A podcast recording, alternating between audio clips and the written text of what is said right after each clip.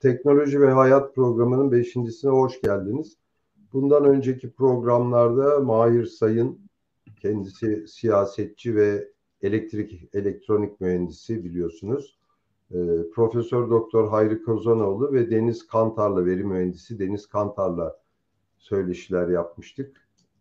Teknolojik değişmelerin toplumsal yaşam üzerindeki, ekonomi üzerindeki ve yapay zekanın emek süreçleri üzerindeki etkilerini ele almıştık. Bu akşamki konuğumuz doçent doktor Serkan Öngel. Serkan benim çok eski bir dostum. Ee, kendisi genç kuşağın içerisinde sendikal mevzulara, emek süreçlerine kafa yoran az sayıdaki akademisyenden birisi. Onunla bugün e, istihdam sürecindeki etkiler üzerine söyleşeceğiz. E, Serkan'ın bu konuda yapmış olduğu çeşitli araştırmalar var. Serkan hoş geldin. Hoş bulduk e, Ahmet abi. Ya bu teknoloji konusu biliyorsun çok tartışılan bir konu. Çeşitli dönemlerde sendikal harekette ön plana çıkan, ele alınan, istihdam üzerindeki etkileri değerlendirilen bir konu. Ama son dönemde gerçekten yapay zekanın da devreye girmesiyle beraber sadece mekanik otomasyon değil, insanın en e, ayırt edici özelliklerinden birisi olan zihni faaliyetlerin de bir çeşit otomasyona tabi olması gibi bir süreç yaşandı. Bu süreç e, bütün bu istihdamı ve emek hareketini nasıl etkileyecek? Ana konumuz bu. Senin bu konudaki çalışmalarını biliyorum. Biraz onlardan da bahsederek nasıl bir etkiyle karşı karşıya kalacağız? Ciddi bir işsizlik dalgasıyla mı karşı karşıya kalıyoruz? Emek süreçleri değişiyor mu? Emekçilerin vasıflarında e, farklılıklar talep ediliyor mu? Buna bağlantılı olarak emek göçü, beyin göçü gibi diyebileceğimiz unsurlarla karşı karşıya kalacak mıyız? Ne diyorsun bu konularda? Ya tabii ki e, içinden geçtiğimiz süreç özellikle Covid-19 e, salgını ile birlikte e, yeni baştan pek çok şeyi düşünmeye başladığımız bir dönem. E, teknolojik anlamda yaşanan gelişme bir ivme kazandı bu salgınla beraber. E, çalışmanın da e, bir boyutu işte uzaktan çalışma, hibrit çalışma gibi modellerle birlikte e, daha fazla gündemimize e, taşınmaya başladı. Dolayısıyla işin zaten dönüşmeye başladı. İşte dijital e, emek bağlamında işte platform çalışma, gig ekonomi gibi kavramlarla birlikte e, gündeme gelen kimi tartışmaları hayatımızın parçası e, kılmış durumda. E, benim bu alanda e, spesifik olarak son e, dönemde yaptığım bir alan çalışması var. Yani e, mühendisler üzerine TMOP e, çerçevesinde e, sanayi kongresi için e, hazırladığımız bir çalışma e, ve bu çalışmanın bulguları belki bir öncü nitelik de taşıyor. Hani ne ölçüde emeğin dijitalleşmesi e, ne kadar e, mühendis emeği açısından e, yaşanan bir şey. Bu e, mesafe e, işteki işte konulan mesafe, uzaktan çalışma ne kadar yaygın, olanakları neler e, ve e, aynı zamanda istihdam yapısındaki dönüşüm bununla bağlantılı olarak nasıl e, gerçekleşiyor? İşte platform çalışması ne kadar yaygın, yani mühendislerin ne kadarı bu tip e, platform çalışmaya aşina ya da uluslararası alandan bu tip e, platformları kullanarak iş alanlar var mı? Meslek dışı işlere kayışlar ne oranda? Biraz bunları araştıran bir konu oldu. E, tabii burada e, temel tartışma başlıklarından bir tanesi işte zaten e, işte küreselleşme süreciyle birlikte tartışılan e, işte standart dışı işlerin dönüşümü artık işin e, belli tanımlanan standart iş olarak tanımlanan işte belli bir sürede belli, belli belirli bir zaman diliminde belirli bir iş yerinde tek bir işveren için çalışılan bir çalışma biçiminden hakim çalışma biçimi olarak baktığımız ve uzun süreli e, işte işe girdiğinizde emekli olabileceğiniz bir e, çalışma hayatından bugün işte e, gelip geçici, geçici işlerin yaygınlaştığı e, işte e, parça başı iş alma hikayesinin yaygınlaştığı bir dön- döneme doğru gittik ve burada e, aynı zamanda bir dijitalleşme e, ile birlikte bu süreci gerçekleştiğini görmek gerekiyor. Bu anlamda e, bu tip e, çalışmalar aslında bu dijitalleşmenin boyutlarını ortaya koymak açısından önemli. E, Uluslararası Çalışma Örgütü'nün de bu konuda e, çalışmaları var. E, uluslararası alandaki üniversitelerin e, bu alana yönelik çok ciddi e, bakışları var. İşte dijital emek meselesi, e, bunun solla e, işte e, bağlantısı, solun burada nasıl bir tutum alması gerektiğine dair e, tartışmalar yürüyor. Ama e, hani daha çok e, bakılması gereken unsurlardan biri zaten e, sol açısından da emek süreçlerindeki dönüşüm burada ne gibi bir e, farklılaşma var ona biraz e, bakmak gerekiyor. E, şey tartışması işte e, prekarya proletarya tartışması gibi bir tartışma e, çok e, baskın bir tartışmaydı yakın bir zamana kadar ama eldeki veriler bize giderek bu e, süreçlerin bütün çalışanları ilgilendiren bir mesele haline geldiğini gösteriyor. Yani güvencesizlik genel bir eğilim. İnsanlarda meslek dışı işlere daha fazla e, yönelim var. E, edindikleri eğitim insanlar için gelirlerini sürdürebilmek adına tek yeterli koşul olmuyor. E, dolayısıyla insanlar aynı anda birden fazla e, işi yapabiliyorlar. E, ama elde ettikleri gelirle hayatlarını sürdürme konusunda e, sıkıntı yaşıyorlar. Özellikle genç kuşak açısından e, bu çok daha e, çarpıcı ve görünen bir konu. E, bir başka önemli konu tabii bu dijitalleşme meselesinin bir boyutu aslında uluslararası iş bölümüyle de e, bağlantılı yanları olan bir e, konu. Yani e, bir taraftan baktığımızda işte bu platform çalışma dediğimizde ya da platformlar büyük e, dünyadaki e, iş, e, çalışmak isteyen kişilerle e, iş vermek isteyen insanları buluşturan e, platformlardan e, bahsediyorum. E, ve bunların giderek yaygınlaştığını hatta bizim çevremizde de artık çok yaygın olduğunu e, söyleyebilmek mümkün. Bunlar iki e, çeşit olarak karşımıza çıkıyor. Bir tanesi çevrim içi web tabanlı olanlar ve belli bir e, lokasyona e, bağlı olarak, e, mekana bağlı olarak gerçekleşebilen e, platformlar olarak tanımlanabilir. Genelde bu tip kategoriler e, konulabiliyor. E, ve burada da işte e, kimi hukuk, finans, tasarım, yazılım, e, rekabetçi yani masa başında yapılabilecek kimi işler e, bu e, web tabanlı online e, olarak gerçekleştirebilen, tamamlanabilen işlerken e, diğer taraftan da baktığımızda işte e, bu işte Uber gibi yani fiziksel olarak kişinin de o sürecin içinde dahil olduğu işi tamamlayabilmesi için e, bir e, mekansal hareketliğe ihtiyaç duyduğu işler. Yani Türkiye'de de giderek sayısı artan e, e, işte parakende sektöründe özellikle yaygınlaşan işler. E, şimdi bu işlerin e, nerelerde toplandığını, bu platformların e, hangi ülke çıkışta olduklarına falan baktığımızda aslında e, bunun da e, geleneksel uluslararası iş bölümüne uygun e, yapılar çıkarttığını, belki bir, bir farkı e, Çin'in burada e, daha etkin bir e, rol oynuyor olması, e, onu orada görebiliyoruz.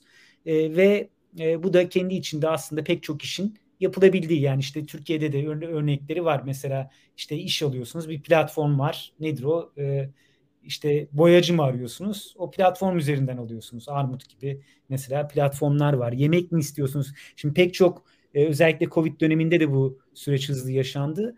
İşte yemek e, meselesi, lokantalar artık e, oraya gelen birebir müşterilerine bağlı olmaktan daha çok bu tip platformlar üzerinden e, müşterileriyle buluşmaya başladılar. Yani fiziksel olarak e, ayrışan e, bir e, durumdan e, bahsetmek mümkün. E, bunun yanında aslında e, yine bir başka boyutu olarak, önemli bir boyutu olarak, e, üzerinde durulması gereken boyutu olarak bu denetim meselesi gündeme geliyor. Yani giderek daha fazla kişi aslında kendisine ne yapması gerektiğini söyleyen dijital platformlara bağlı olarak e, çalışmak durumundalar. E, işte sürekli olarak ona ne yapacağını söyleyen, rapor veren, yaptığı işi sürekli kaydettiği, e, bir şekilde denetim daha fazla denetlendiği e, bir e, sürecin içinden geçiyor insanlar ve giderek daha fazla da aslında o çalışmayla e, yaşam arasındaki e, ilişkinin de e, giderek ortadan kalktığı insanların e, tanımlı işler saatler dışında da çalışmaya devam ettiği en azından e-postalarını işe dair e, iş saatleri mesai saatleri dışında gerçekleştirdikleri mesai saati dışında kendilerine ulaşılabildikleri e, bunların hepsinin dijital olanaklar sayesinde gerçekleştiğini hatırlatmak gerekiyor. E, böyle bir e, dönemden e, geçildiğini e, bahsetmek e, mümkün. Tabii hani bu, bu işin niteliğine dair tartışmalar da yürüyor. Yani bir işsizlik dalgası mı bekliyor? Yani şimdi tarihsel olarak, dönemsel olarak kapitalizmin geçirdiği her evrede aslında yaşanan bir işin dönüşümü hikayesi var. E, ve e, bu da kendince e, bir takım politikalarla aslında e, o ortadan kaldırılmaya çalışılıyor. İşte Braverman mesela onu çok e, detaylı olarak anlatır. Yani e, eğitim süresinin uzamasından tutun da e, işte e, askerlik e, meselesinin e, buna bir araç olarak kullanılmasına kadar işsizlikle baş etmek adına uygulanan e, kimi politikaların gündeme geldiğini söylemek gerekiyor. E, burada tabii ki hani e, yeni kuşak gençlerin e, buradaki meselesi durumu önemli. Kadınların e, çalışma hayatındaki konumları önemli. Göçmenlerin e, konumları önemli. E, uluslararası alanda bu, uluslararası iş bölümü alanında biliyorsunuz belli daha alt nitelik gerektiren, daha az vasıf gerektiren işler genelde dışarıya doğru gider. Yani ana firmadan tedarikçi firmalara doğru gider. Bu zincir uluslararası boyutta da artık gerçekleşebilir bir duruma geldi. Uluslararası bir zincir haline geldi. Değer zincirleri dediğimiz şey de zaten bu. Ama bunun dijital boyutuna baktığımızda mesela Hindistan'ın tarihsel bir e, rolü var yazılım sektöründe. Bunun olanakları uzaktan çalışmayla e, bağlantılandırılabiliyor. E, Türkiye'de de keza doğrudan işvereniyle sadece ekran üzerinden buluşan, işte yazılım sektöründe çalışan e, insanlar var çevremizde de. E, ve istihdamın niteliği de değişiyor. Yani e, kimi işler artık işte e, işte kiralık işçilik. Yani aslında bütün bunun bu konuştuğumuz meselenin altyapısının hem Avrupa istihdam e, e, alanında yaptığı Avrupa'nın düzenlemelerle hem Türkiye'de de e, istihdam alanında e, gündeme getirilmeye çalışılan bu yeni sürece adapte olmak adına e, ortaya konulan politikalarla ilişkili.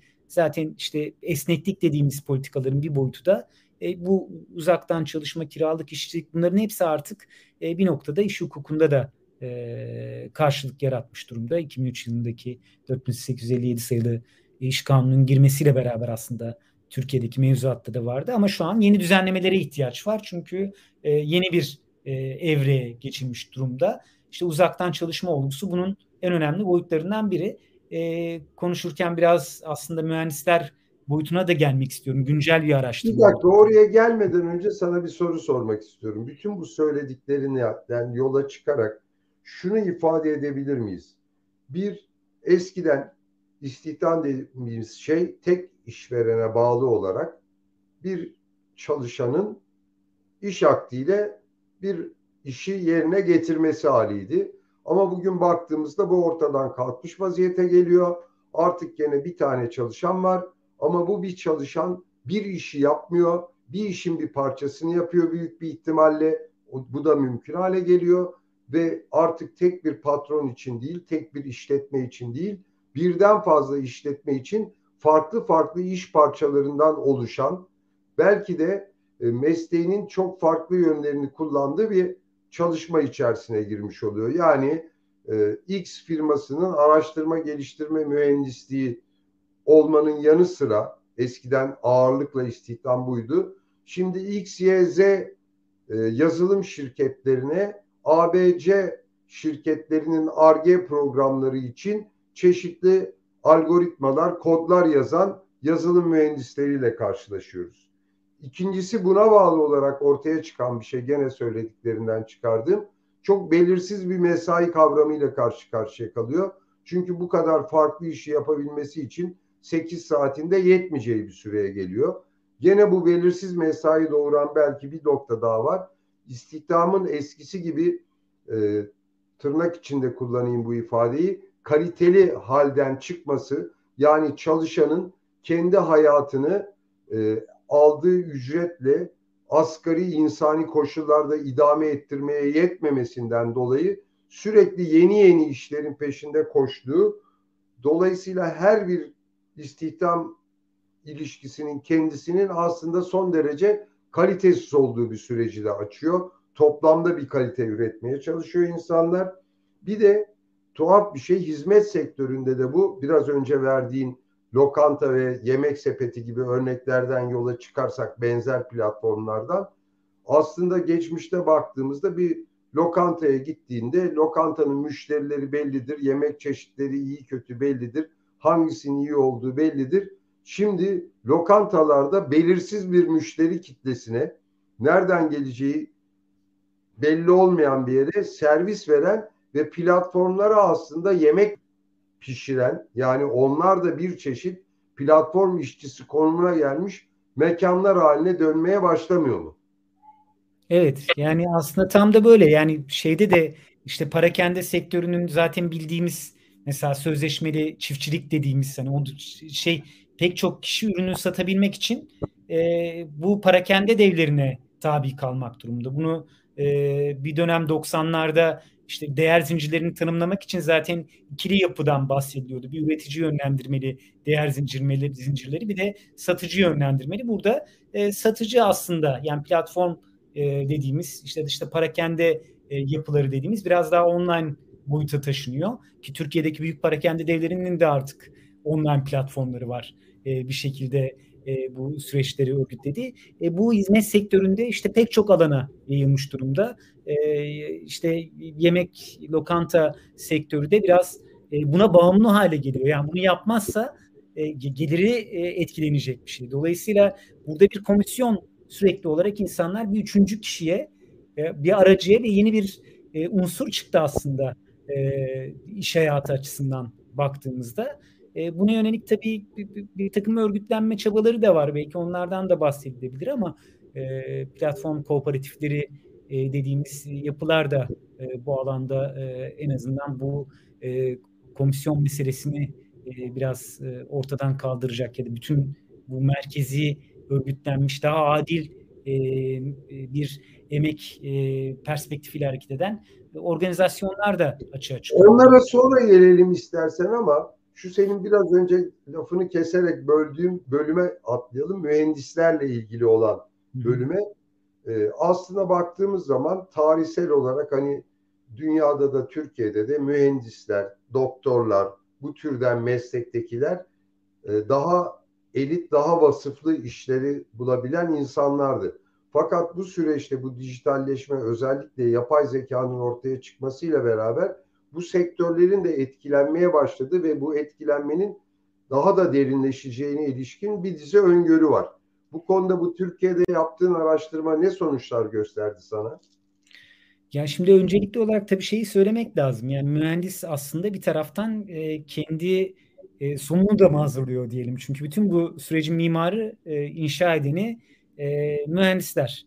E, dolayısıyla bir taraftan baktığımızda e, mühendislik mesleğinin e, kendi içinde yarattığı denklem de e, sıkıştığını görebilmek mümkün. Özellikle e, çok sayıda e, mühendislik e, mezunu var artık. Yani mühendislik mesleği dediğimizde e, kitlesel bir meslekten bahsediyoruz. Yani Türkiye'de 600 bin civarı e, mühendis var. Yani dolayısıyla o kitlesel mesleklerin özelliklerini taşımaya başlayan, yani işsizlikle karşı karşıya kalan, e, ne diyeyim işte e, geçici işlerle e, muhatap kalan e, çok büyük bir e, toplumsal kesimden e, bahsediyoruz e, ve bu eğilimleri taşıyan bir e, alan e, mühendislik alanı.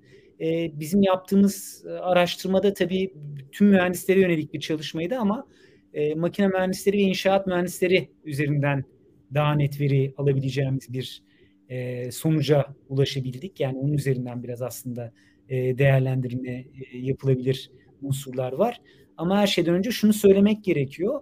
E, yani mühendislik mesleği dediğimiz meslek artık yoksullukla kurtulmanın bir aracı değil. Yani yoksul mühendis kavramı artık toplumumuzun genel kabulünde olabilecek bir durum. Nitekim bizim araştırmada da hane halkı geliri 9 bin liranın altında olan yaklaşık yarısıydı mühendislerin. Yani bu e, gerçekten... Yani %50'ye yakını 9 bin liranın altında evet. gelir elde ediyor. Evet. Yani bu çok çarpıcı bir veri. E, yine önemli kısmının düzenli bir geliri olmayan %10-15'lik bir kesimden e, bahsetmek mümkün. E, bunun yanında da %10'a yakın asgari ücret düzeyindeki. Şimdi bu asgari ücretteki artış mühendisleri de aynı oranda yaşamadığı için asgari ücrette çalışan mühendislerin büyük olasılık e, oranını da arttıracak bir e, durum e, haline geldi. E, bu çarpıcı bir durum. Yani bu, bu veri e, bize e, aslında bu, bu mesleğin e, niteliği, mesleğin e, geçmişten farkını ortaya koyan e, temel unsurlardan birini e, ortaya koyuyor. E, tabii inşaat sektörü makine mühendisleri açısından ya da sanayi sektörü inşaat sektörü olarak baktığımızda sanayi sektöründeki bir tık daha iyi e, durumda. E, biraz yaş ortalaması da daha fazla. Yani inşaat sektöründe anladığım kadarıyla inşaat sektöründe daha ciddi bir e, emek arzı e, söz konusu olmuş. E, ve e, bunun yarattığı bir e, durumdan bahsetmek gerekiyor. Eğilim olarak baktığımızda tabii kamuda çalışmanın azaldığını, özel sektörde çalışmanın, ücretli olarak çalışmanın e, da ciddi artışın olduğunu, e, yine geçici işler, e, işte parça başı işler yapmak gibi işlerin e, yoğunlaştığını, arttığını e, görebiliyoruz. Ama benim mesela bu araştırmada en çok merak ettiğim konulardan biri bu biraz önce konuştuğumuz e, platform çalışmanın e, mühendisler üzerinde bir karşılığı var mı? Hani e, dünyada işte çeşitli platformlar var, mühendislerin işe aldığı platformlar var. Bir de e, işte demin bahsettiğimiz gibi mekana bağlı olan kimi işler de var, e, kullanılan platformlar da var. E, bu iki platform tarzının yani birebir kendi işiyle ilgili olabilir ya da işte e, veri girişi olabilir. Bu tip işleri yapılan işte freelancer gibi en çok bilinenlerinden biri freelancer. E, bu tip e, e, platformlarla e, iştigal olanlar ne kadar e, bunların oranlarına biraz e, bakmaya e, çalıştım aslında e, araştırmada. Yaygın bir durum olarak çıkmadı aslında. Yani yüzde ikilerde e, yüzde üçlerde bir oran var. Yani freelancer'dan iş olmuş olanların oranı işte yüzde bir yaklaşık 0.8 falan çıktı. E, ama e, bilinirliğinin e, yüksek olduğunu özellikle genç gruplarda yüzde 50'nin üstüne çıktığını e, söyleyebiliriz. E, tabii burada işte bilgiye erişim, teknolojik olanaklar aslında tartışılması gereken bir konu. İş bölümü uluslararası iş bölümü açısından da böyle. Yani e, yabancı dil sorununun bu dönemde ortadan kalkacağı zaten beklenen bir durum. Ama bu dijital süreçlere, uluslararası alandaki bu küresel iş gücü kendisi birbiriyle rekabet eden iş gücü piyasasına girme noktasında Türkiye'nin daha geri planda kalacağını öngörmek mümkün. Geldiği teknolojiye yaptığı e, yatırım, e, üniversitelerin eğitim e, bağlamındaki düzeyi bakımından. Ama yakın dönemde yaygınlaşmasını beklemek gerekiyor. Dünyada da bunun çeşitli oranları var. Ülkeden ülkeye göre değişiyor ama e, bu, bu, bu tip platform çalışmaların işte yüzde birlerden yüzde yirmi dörtlere kadar farklı ülkelerde e, insanların bir şekilde dahil olduğunu görebiliriz. Ve platformlarda çalışanların e, üçte üçte biri e, sadece ana esas geliri platform geliri. Yani başka bir gelirinin yanında üçte ikisi iş yapıyor. E, o anlamda e, mühendisler açısından, Türkiye'deki mühendisler açısından e, yaygınlaşma e, düzeyi şu an düşük olarak görülebilir. Ama mesela çarpıcı bir veri e, mühendislerin yüzde onu bir şekilde e, dijital araçları kullanarak gelir getirici bir faaliyette bulunmuşlar. Neyi kastediyorum gelir getirici bir faaliyet? Mesela Udemy diye bir platform var, eğitim platformu. Bu eğitim platformunda ders vermek e, ya da e, işte e, Uber'den iş almak. Yani işte bu fiziksel dediğimiz ki Uber en çok e, şey yapan bunlardan biriydi. Yani taksi tarzı e, unsurlardan iş almak gibi. E, bu, bu, bu tip örnekler çarpıcı olarak e, e, karşımıza çıktı. Bunun haricinde işte Airbnb'den bir gayrimenkulü varsa onu kiralamak. E,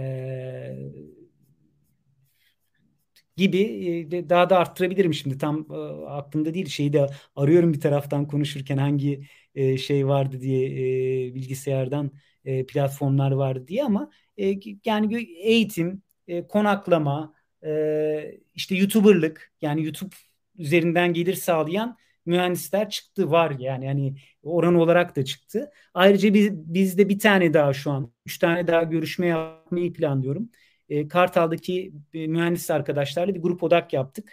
E, üç tanesi genç arkadaştı.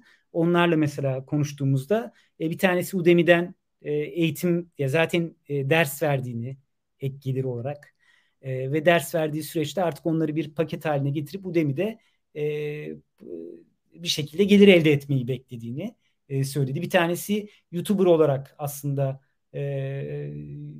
böyle bir özlemi olduğundan bahsetti. YouTuber'lık üzerinden bir şeyler yapmak istediğinden bahsetti. Yani bunlar artık mesela özellikle genç kuşakta çok yaygın durumlar. Peki, aynı zamanda mühendislik yapıyor bu arkadaşlar. Burada bir soru sormak istiyorum Hı. sana.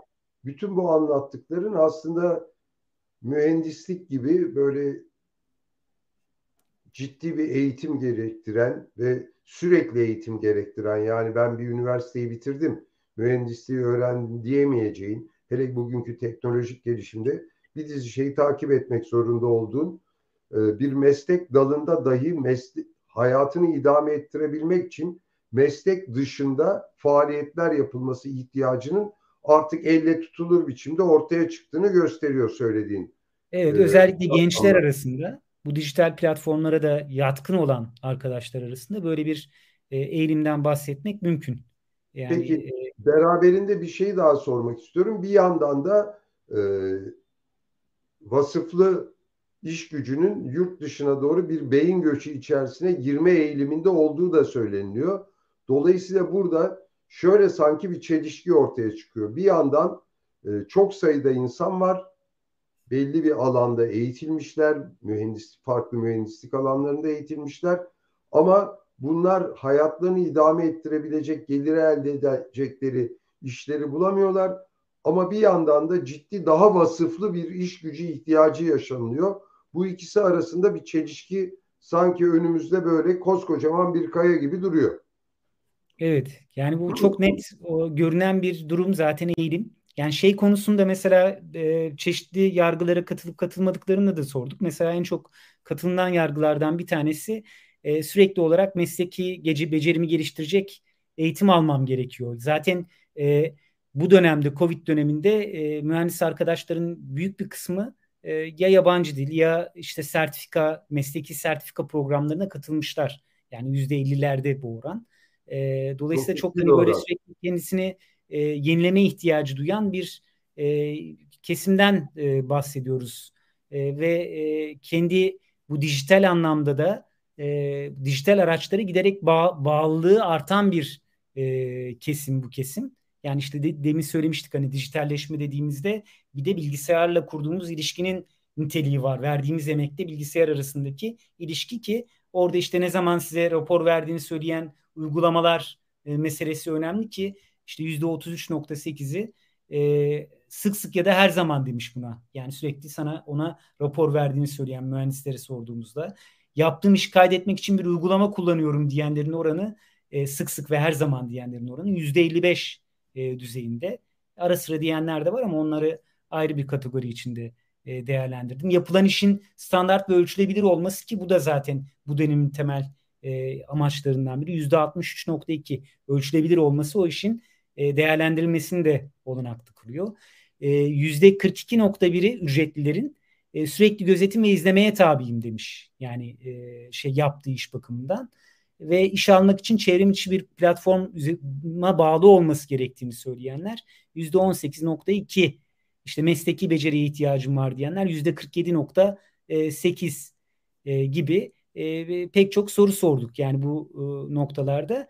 Mesela tüm gelirimi mesleki kimliğime bağlı faaliyetlerden e, kazanıyorum diyenlerin oranı, kazanmayanların oranı diyelim diğerin değil yüzde on beşlere ulaşmış durumda 16'lar e, civarında. Yani başka gelir kaynaklarına da ihtiyaç duyan e, bunu da herhalde şey yapsak daha gençlerde daha yaygın bir e, eğilim olarak görülebilir. Evet onu soracaktım. Yaş grubuna göre belki bu oran daha genç mühendislerde yüzde on beşlerden Tabii tabii tabii çok çok, çok net. Yani o çok çok net görünen bir e, durumu.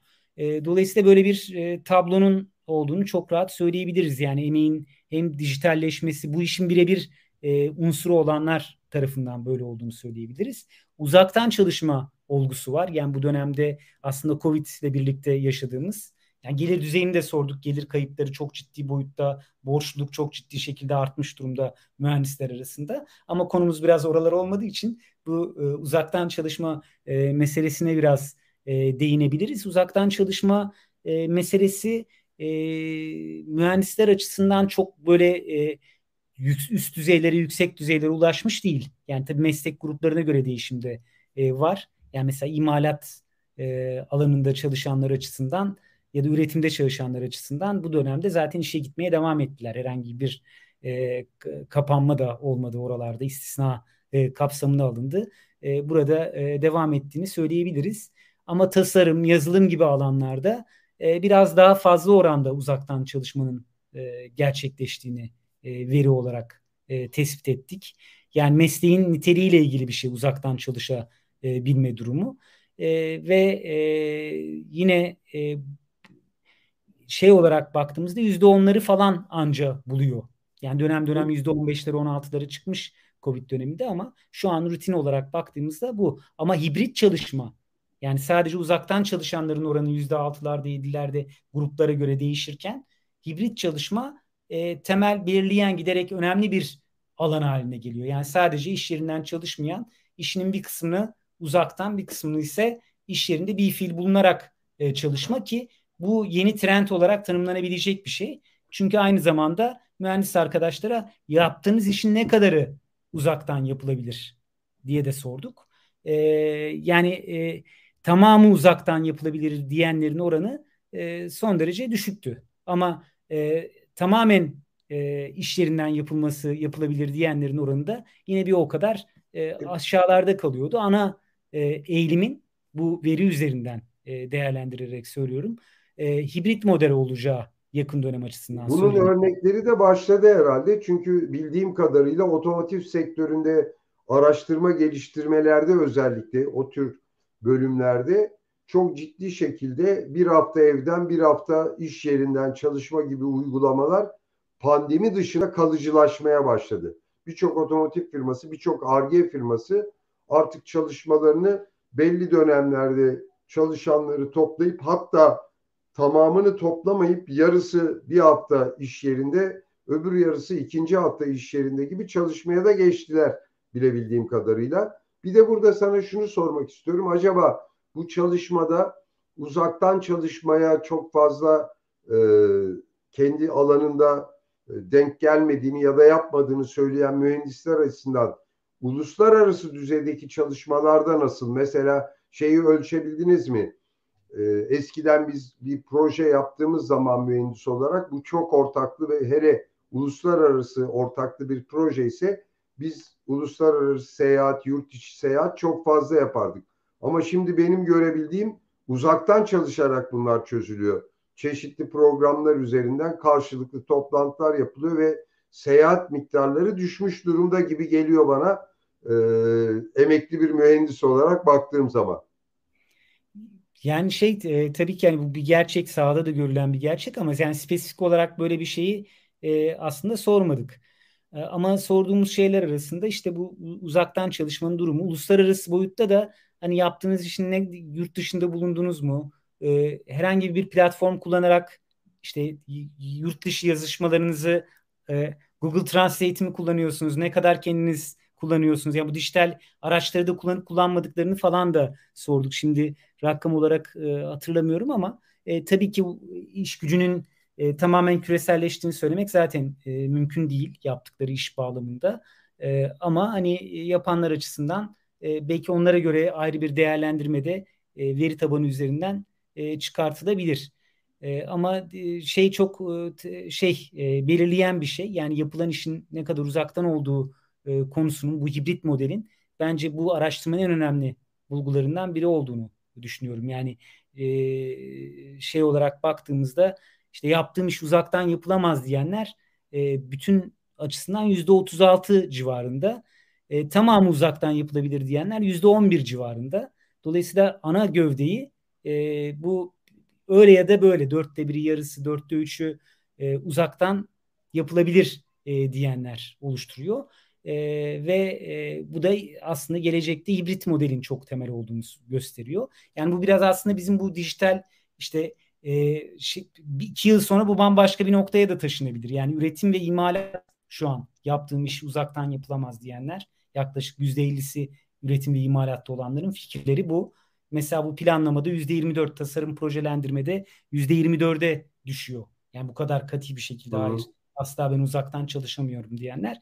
E, bu ileriki süreçte e, e, kontrol mekanizmaları giderek geliştikçe sağlanabilir bir e, durum, e, değişecek bir durumdur E, çünkü zaten bu oranlarda aslında yani üretim ve imalatta çalışanların yarısı e, bir şekilde uzaktan belli bir oranda da olsa uzaktan çalışabildiğini e, söyleyebiliyorsa e, giderek zaten teknolojik gelişme e, bizi e, makinaları da bir, bir fiil uzaktan idare edebileceğimiz araçları üretiyor. Dolayısıyla böyle bir e, kontrol ve denetim meselesini de giderek aslında e, buraya taşıyor diye düşünüyorum. E, bu anlamda e, bu önemli bir e, bulgu olarak karşımıza çıkıyor. Peki bir şey soracağım. E, bu çalışma sırasında teknolojik gelişmeler, yapay zeka bunun gibi işlerden dolayı işini riskte görme durumunu araştırdınız mı? Ya aslında çok güzel soru sormadık riskte görüyor musunuz diye. Keşke e, ilave etseydik ama şey sorduk mesela hani e, kullandıkları teknolojiyi sorduk. Hani ne kadarı işte yapay zeka ile ilgili bir yapay zeka robot kullanıyor, ne kadarı e, işte e, bulut sistemleri kullanıyor, e, işte büyük veri e, sistemleri kullanıyor. E, bunları çıkarttık. Bunlara göre de aslında uzaktan çalışmadır, gelir düzeyindeki farklılıktır. Mesela teknolojiyi kullananlar, bu tip teknolojileri kullananlar biraz daha e, gelir düzeyi bakımından da e, daha iyi e, durumda e, görünüyorlar. E, yaptıkları işin niteliğine göre de zaten işte uzaktan çalışma pratikleriyle de e, bağlantılı verileri e, var. E, yani dediğim gibi hani verilerin hepsini şimdi burada aktaramıyorum ama hani zaten bu bir rapor olarak çıkacak. Hani onu da e, bir şekilde e, şey yapabiliriz. Mesela, okuruz. Yaptığınız iş mühendisi olmayan biri de yapabilir mi sorusuna işte üç boyutlu yazıcılar kullananların yüzde 41'i, bina bilgi modelli yazılımcıların yüzde 56'sı, e, büyük veri teknoloji kullananların yüzde 76'sı, robotları kullananların yüzde 67'si hayır diyor, yapamaz diyor. Bir kısmı da kısmen diyor. E, ama yani bu, bu kullandıkları sisteme göre de yapılan işin yani bu bu da mesela daha önceki araştırmalarda da mühendislerle ilgili araştırmalarda da e, çokça e, sorduğumuz bir soru. Önemli bir değişken çünkü meslek dışı e, işlerin ne kadar yapıldığını gösteren yani yapılan işi mühendis olmayan biri de yapabilir mi e, meselesi. E, burada işte kullanılan teknolojiye göre bu e, değişebiliyor.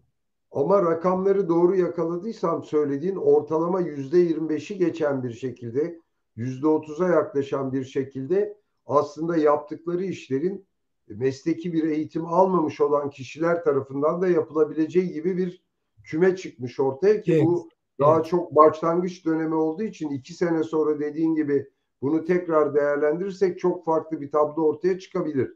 Bu biraz önceki soruyla bunu bağlayarak tekrar bir rakamlar vermek istiyorum sana. Onun konudaki görüşünü isteyeceğim. Şimdi yapılmış araştırmalara göre teknolojik gelişmenin işlerin ne kadarını yok edeceğine ilişkin çok farklı tahminler var biliyorsun. Bir iki tahmin okuyayım sana.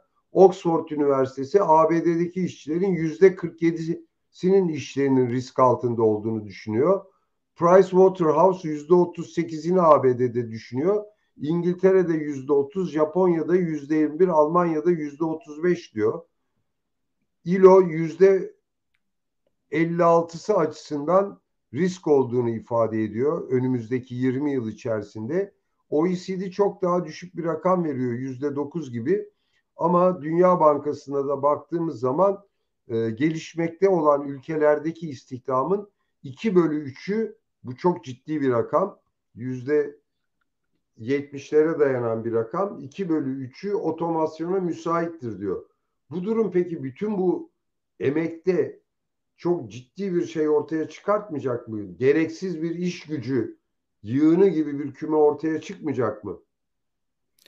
Yani şimdi e, büyük ihtimal o istihdama yönelik politikalarla birlikte yeniden ele alınması gereken şeyler. Yani tarihsel olarak baktığımızda dönem dönem e, kapitalizmin geçirdiği evrelerde buna yönelik düzenlemelerin olduğunu, kapitalizmin de kendisini buna yönelik yenilediğini görebiliyoruz. Ama e, burada bence esas mesele zaten işin niteliğinin değişiyor olması. İş dediğimiz şey buharlaşıyor. Yani somut elle tutulur bir e, nokta olmaktan çıkıyor. Dolayısıyla elde edilen gelir de e, insanları tatmin edebil etmekten son derece uzak. Çünkü bu dediğimiz çalışma biçimleri yaygınlaştıkça aslında insanlar zaten bildiğimiz geçmişteki gibi e, işte e, standart işte olduğu gibi ben sabah işe girdim, akşamleyin işten çıktım meselesinden giderek uzaklaşacaklar. Zaten o, o bu o şey e, bu esnek yapı zaten onu buharlaştırıyor. Yani insanların işte geçirdikleri sürede bunun bir kısmını başka şeyler için de geçirebilir. Yani sürekli birebir fiziksel, zihni bir aktivite içinde e, bulunmak durumunda değil ama e, sonuçta o, o işin niteliği zaten biz bunun böyle bir sürecin içindeyiz. Bunu bir de besleyen ne var? Bir de işte çalışma sürelerinin düşürülmesi, daha farklı güvenceli e, e, güvence talebi gibi baktığımızda emek örgütlerinin de gündeme getirdiği e, talepler var bununla ba- başlayan ama e, işte bu tam da hani başlangıçta konuştuğumuz konu hani işte e, bir e, prekaryadan bahsetmek böyle bir ayrıma gitmek çok e, e, temel bir unsur değil çünkü e, günümüzde işin kendisi işin niteliği tamamen dönüşüyor ve e, düzenli işler dediğimiz kişiler de bu güvencesizlik meselesinin bir parçası. E, dolayısıyla işte e, yapılan işin sadece karşılandığı, saatlik olarak karşılandığı bir durumdan bahsettiğimizde bu esnek yapıyla aslında belki bunu e, insanlar işsiz olmayacaklar bildiğimiz anlamda. Ama işte tam da bu hani işsizlik rakamları açıklanıyor ya işte Discard'da açıklıyor. E, çeşitli hı hı. Işte bir saat çalışıyor olsanız bile istihdamda görünüyorsunuz. Şu an uluslararası istatistik kurumları bunu böyle Türkiye'de dahil olmak üzere bu şekilde veriyor. Yani e, ilgili haftada size sorulduğunda siz çalışıyor musunuz dediğinizde bir saat bile bir gelir getirici faaliyetin içindeyseniz istihdamdasınız. E buraya baktığımızda dünyadaki işsizlik oranı yüzde beşlerde. Türkiye'deki işsizlik oranı onun iki katı yüzde on bir nokta ikide. Yani e, şimdi e, böyle bir e, dünyaya artık geçiş yapıyoruz. O anlamda iş işin iş, e, belli bir işi yapan işçi sayısı, istihdamda olan işçi sayısı ile ilgili bir mesele değil. İşteki kişilerin yaptıkları işin e, süresiyle ilgili e, bir buharlaşma var. E, bu da aslında o kaybı belki bir taraftan telafi etmek üzere zaten sistemin ürettiği bir şey. Ben bu alanın tam da bir mücadele alanı olduğunu düşünüyorum e, bir taraftan. Yani istihdam talebi e, aslında zaten geçmişten beri e, gelen temel bir talep e, ve insanların e, bu e, açığa çıkacak olan e, iş kaybını yeni işte robotların e, e, de, devralacağı iş kaybını e, kendilerine ayırabilecekleri bir e, gelir kaybı yaşamadan kendilerine ayırabilecekleri bir zamana sahip olacak mı olmayacak mı? Tam burada bir soru soracağım. O zaman geçmişte baktığımızda hani sendikaların talepleri tam istihdama yönelik bir politikanın izlenilmesi, insanlara istihdam garantisinin verilmesi, 8 saatlik e, adil, insani iş talebiydi. Şimdi belki taleplerde de bir değişim dönemine doğru gitmek ihtiyacı ortaya çıkacak sendikal alanda. Çünkü biraz önceki konuşmalarımızdan ortaya çıktığına göre sendikacılık biliyorsun bir iş yerinde belli bir iş kolunda çalışan e, bir işverene bağlı olarak çalışan insanların örgütlenmesi olarak en olgun halini yaşadı. Ama bugün karşı karşıya kaldığımızda tek bir ülkede çalışmayan, bir ülkede oturan ama sadece o ülkede çalışmayan, farklı ülkelere dahi hizmet veren, farklı işverenlere hizmet veren, farklı sektörlere hizmet veren, tekstil, makine kimya ya da e, imalat sanayine hizmet veren mühendislerin, işçilerin, yazılımcıların olduğu bir döneme gireceğiz.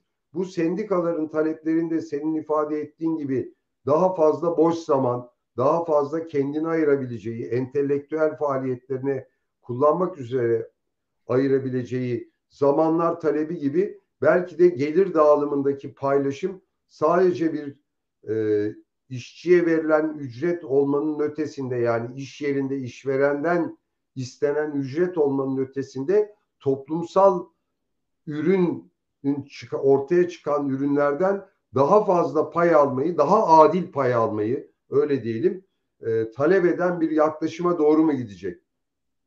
Yani aslında şöyle bir e, şeyi söylemek lazım. Dünya genelinde bu yeni çalışma biçimlerine yönelik tabii pek çok strateji e, geliştiriliyor. Örgütlenme formları var. E, geçmişin e, e, ezilenlerin kendi arasında kurdukları dayanışma pratikleri. Yani ben de kooperatiflerle de ilgilendiğim için aynı zamanda hem sendikaların hem kooperatiflerin burada alternatif modeller üretmeye çalıştıklarını söyleyebiliriz. Ama Türkiye açısından zaten ciddi bir e, e, sorunlu bir e, durumdan bahsetmek mümkün. Çünkü sendikalar hala 12 Eylül hukukunun e, şekillendirdiği yasa değişse de aynı muhtevası aynı devletin son derece e, işin içinde olduğu e, bir formun bir kalıbın içinde yani o kalıpta e, size e, toplu sözleşme e, meselesi üzerinden bir e, sınırlandırılmış bir alanda hareket etme olanağı veriyor. İşte grev hakkını bile işte toplu sözleşmeye bağlıyor. Toplu sözleşmeyi işte yüzde bir o iş kolundaki e, örgütlenmiş olacak, işlerin yüzde birini örgütlemiş olacak ki bu bahsettiğimiz platformdur bilmem nedir. Buralardakiler zaten Türkiye'deki en büyük iş kolu Parakende de 3-4 milyon insan var. E, e, buradaki sendikaların niteliği nasıl olacak? Yani şimdi siz, siz daha iyi biliyorsunuz hani ben çok içinde olmadım ama şimdi 12 Eylül öncesinin e, sendikal düzeni daha özgürlükçü bir yapı.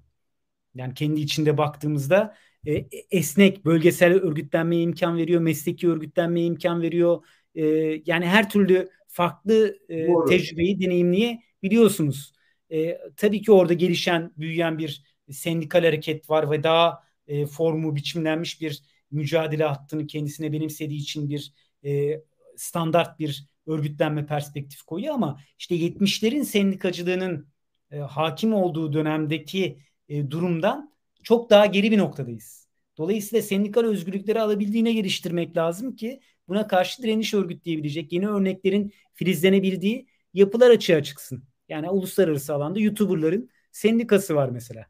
Yani kurmuşlar YouTuber'lar e, kendi aralarında taleplerini bir araya getirmek için e, kendi talepleriyle ilgili bir organizasyona gitmiş. İşte pek çok bu platformlarda geek ekonomi içinde faaliyet yürüten yapıların e, çabaları var bu alanda. Yine platform alanında kooperatifler var. İşte bahsettim platform kooperatifleri. E, reklam da bizim e, son çıkarttığımız e, şirketlerden kooperatiflere e, Rekabetten Dayanışmaya kitabında o bu konuyla ilgili e, Cevat arkadaşımızın yazdığı çok kıymetli bir makale de var yeni bir trend olarak e, ortaya konulan. E, e, işçi sınıfı, emekçiler geniş anlamda kendi örgütsel e, biçimlerini e, oluşturacaklardır. Kendi dayanışma zeminlerini oluşturacaklardır. Burada işin niteliği değişse de e, sonuçta işte bir paylaşım meselesi, emek sermaye e, meselesi bir şekilde kendisini farklı biçimlerde yeniden üretiyor. Dolayısıyla e, buna yönelik politikaları da e, belli kalıplaşmış bir önceki dönemin e, şablonları üzerinden çözmek mümkün değil. O yüzden örgütsel anlamda da e, mümkün olduğu kadar tecrübe eden e, e, bir e, perspektifte hareket etmek gerekiyor. Ki e, emekçiler kendi e, mücadele hatlarını, kendi yollarını bulabilsinler diye düşünüyorum.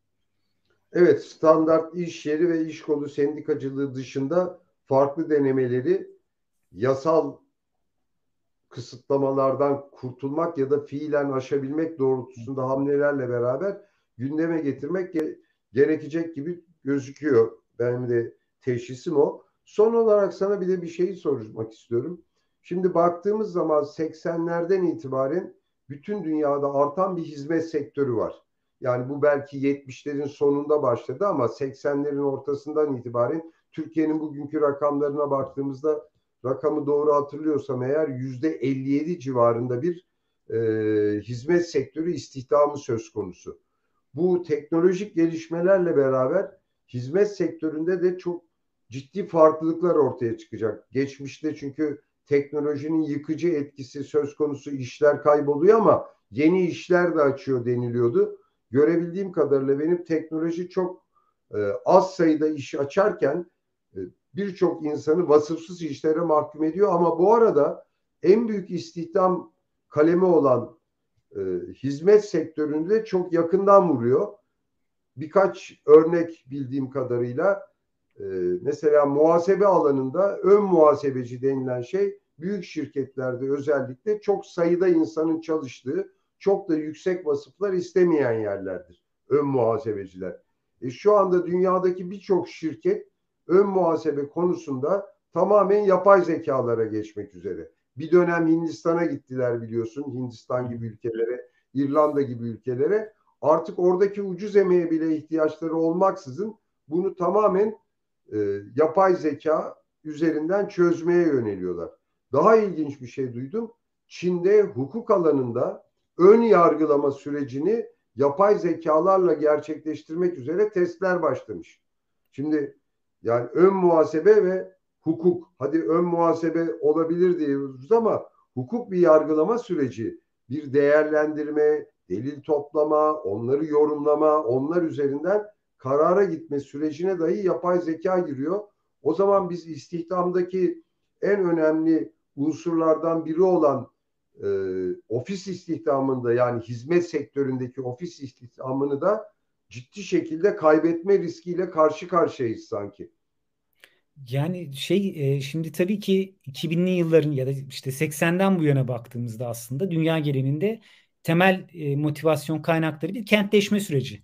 Yani tarım alanında hızla çözüldüğü, tarım alanı e, 88-89 galiba ilk defa tarım alanının istihdamda e, %50'nin altına düştüğü ve tarım alanının terk ettiği e, tarım alanından kopan kitleler e, kentlerde genelde e, sağlıksız kentleşme de denir sanayinin olmadığı e, bir düzlemde kendisine bir şekilde hayat mücadelesi kurmaya çalışıyor ki önemli bir kısmı da aslında hizmet sektöründe olanların bu gelip geçici işte tezgahtarlık yapan, satış yapan e, kitleler özellikle büyük kentlerde, Hint kentlerinde mesela değil mi insanlar e, genelde ne bulursa satıyor mesela e, bir şey kuruyor. Şimdi o tabii o da dijitalleşti. Bahsettiğimiz o insanlar kendi e, evlerindeki şeyi satıyor, bir yerden bir şey alıyor, ticaret yapıyor. Yani işte e, Ali Baba gibi siteler var değil mi? Alıyor, getiriyor, burada bilmem ne yapıyor. Yani bu tip yeni e, şeyler, e, trendler var ama işte onun yaygınlaşması da teknolojik gelişmeyle e, koşut bir şey. Ama şu açık hizmet sektörü e, bu yapay zekanın e, gelişmesiyle birlikte bundan bir özellikle belli işlerde e, darbe alacak. E, bunun yanında işte bu uzaktan çalışanlar yani başka ülkeden çalışanlar orada olmasa da e, orada çalışıyormuş gibi olanlar diyelim. Ki bunun artık ufukları da bu metaverse'e falan e, giderek e, VR dünya ile yepyeni bir e, aşamaya geçiyoruz aslında. Yani e, aynı ofiste çalışabilirsiniz e, o işte gözlüğü taktıktan sonra aynı platformda. E, ki bunun e, hızla yaygınlaştığını e, görüyoruz Metaverse dünyasının. Aslında iş ortamı yavaş yavaş oraya da e, kayabilir böyle bir ofis çalışanları e, açısından da. E, ama hani e, özellikle erken e, kapitalistleşmiş ülkelerde bu mesele çok daha yakıcı bir mesele.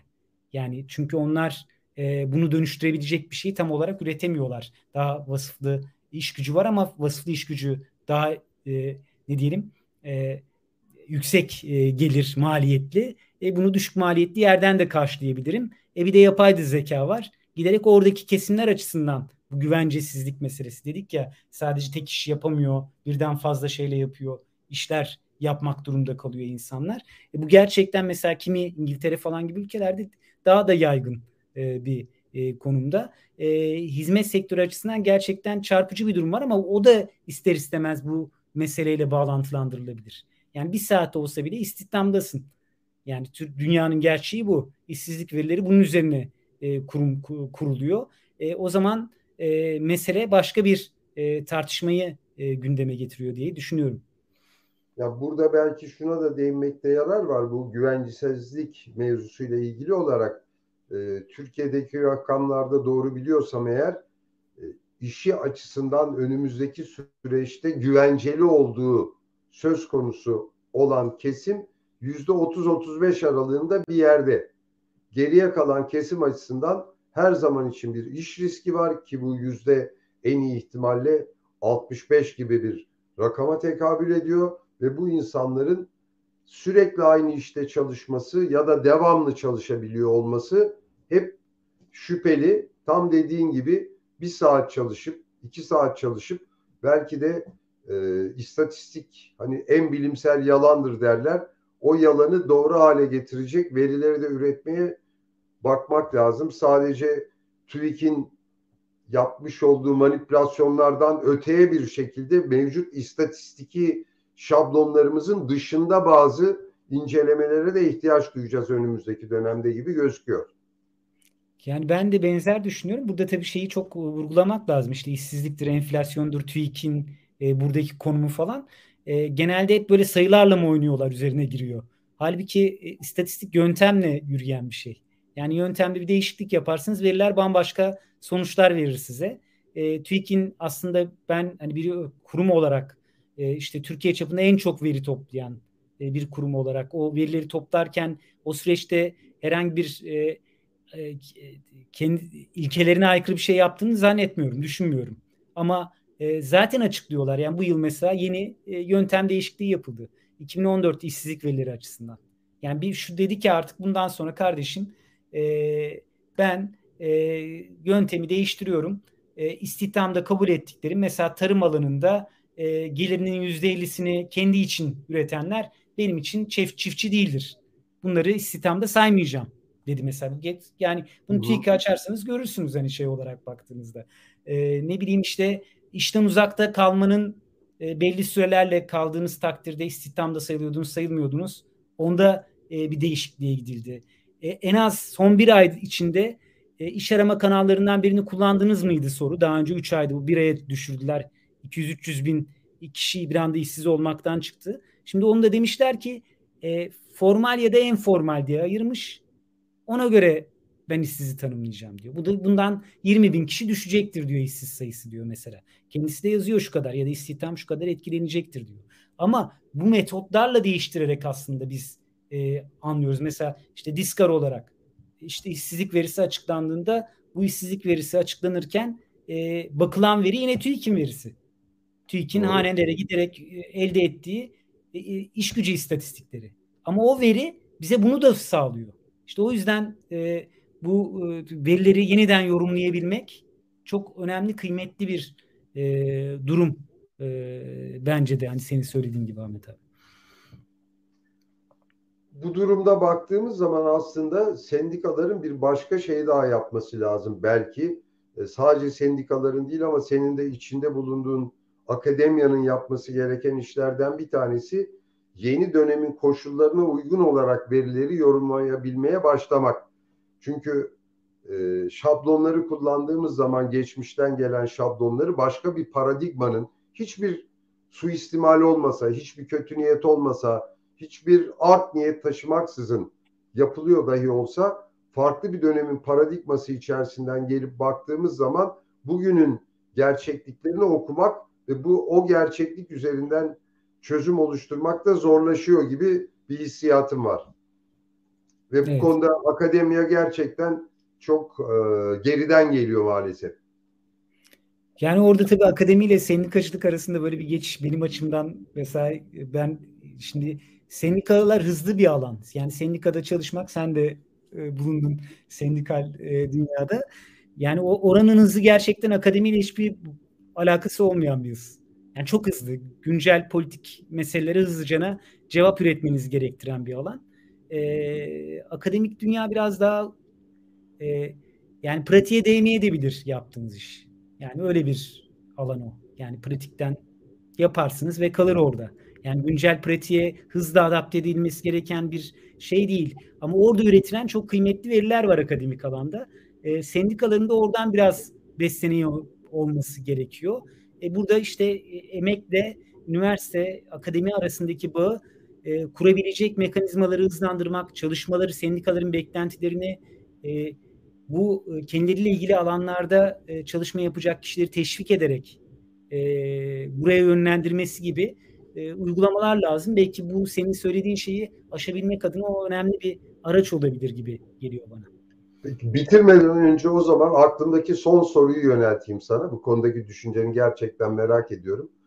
Ee, benim görebildiğim kadarıyla bu iş süreçlerinin kendisi çok ciddi bir yabancılaşmayı da arttırıyor. Yani aynı iş yerinde sürekli bulunarak birbiriyle konuşarak, tartışarak, bazen görüş alışveriş yaparak, bazen bağırışıp çağrışarak çalışan insanlar arasında organik bir ilişki doğuyor. Bu organik ilişki hayatın farklı alanlarında da vardı gene bu süreçler içerisinde. Örneğin üniversitedeki bir bölümle e, sendika arasında daha organik ilişkiler vardı. Şimdi bu teknolojik gelişmeler ve iş süreçlerinin örgütlenmesi yani atomize edilmesi diyelim bunlara parçalanması sonucunda bu organik ilişkiler de ortadan kalkmış gibi geliyor bana. Sanki akademiyle e, sendika arasında olduğu kadar bir başka yerde de bunu görüyorum mesela. Eskiden hep benim gençliğimde en azından üniversiteyle sanayi arasında mutlaka organik bir ilişki olmalı deniliyordu. Şimdi bakıyorum sanayi özel şirketler üniversitelerden daha fazla araştırma yapıyor. Organik ilişkiden çok sanki üniversitedeki birikimi emen bir vakum var ve üniversiteyle aslında yabancılaşan yani öğrencileri sanayinin ne beklediğini bilmeyen asgari bir eğitim düzeyine gelmiş. Ama ondan sonrası için ne yapacağını bilemeyen insanların çıktığı bir eğitim kurumuna doğru dönmüş gibi geliyor. Üniversitenin içinden birisi olarak ne düşünürsün bu konuda? Ya tabii benim e, bulunduğum alan ya da bulunduğum yer çok bunu hani tam bir şey söylemek için çok uygun bir e, yer değil ama şunu söylemek lazım. Giderek sanayi üniversiteyi kendisi için çalışan bir araç haline getirdi. Yani e, bu e, emekle e, üniversite arasındaki bağ koptu. Büyük oranda koptu. Yani bir dönemin e, işte akademisyenler şimdiki akademinin durumu ortada. Yani emek yanlısı pek çok akademisyen işte bu e, barış için e, imza sürecinde e, ihraç edildi. Yani e, bunların hepsinin yaşandığı bir dönemden geçiyoruz. Kara bir dönem bu dönem. E, ve bu alanda her şeye rağmen üniversitelerde bugün emek alanına dair üretim yapan e, arkadaşlar var. Bunlar çok kıymetli e, gerçekten. E, temel mesele bu bilginin e, iktidarla kurduğu ilişkiyle ilgili bir e, mesele bence. Yani iktidar e, bilgiyi e, kendi kurduğu e, işte bu sermaye egemenliği çerçevesinde ürettiği yapının bir aparatı haline getirmek istiyor. E, bu 70'lerin dinamizmi açığa çıkan e, toplumcu e, dalgasının olmadığı ortamlarda ne yazık ki e, bilimi de geriye çıkıyor. Çünkü e, işte e, gündeme gelen politikalar e, gerçekten e, e, buna zemin hazırlayan e, bir sürecin e, önüne koymuş durumda. Serkan katıldığın için çok teşekkür ediyorum. Çok keyifli bir ben sohbet oldu ederim. ama süremizi doldurduk. İzleyenler ve izleyemeyenler için söyleyeyim. Mukavemet TV'nin YouTube kanalından e, bu programı ve bundan önceki dört programı da izlemeniz mümkün. YouTube'a girip Mukavemet TV diye ararsanız göreceksiniz. Doçent Doktor Serkan Öngel'e çok teşekkür ediyorum. Teşekkürler. Ben de teşekkür ederim Ahmet abi.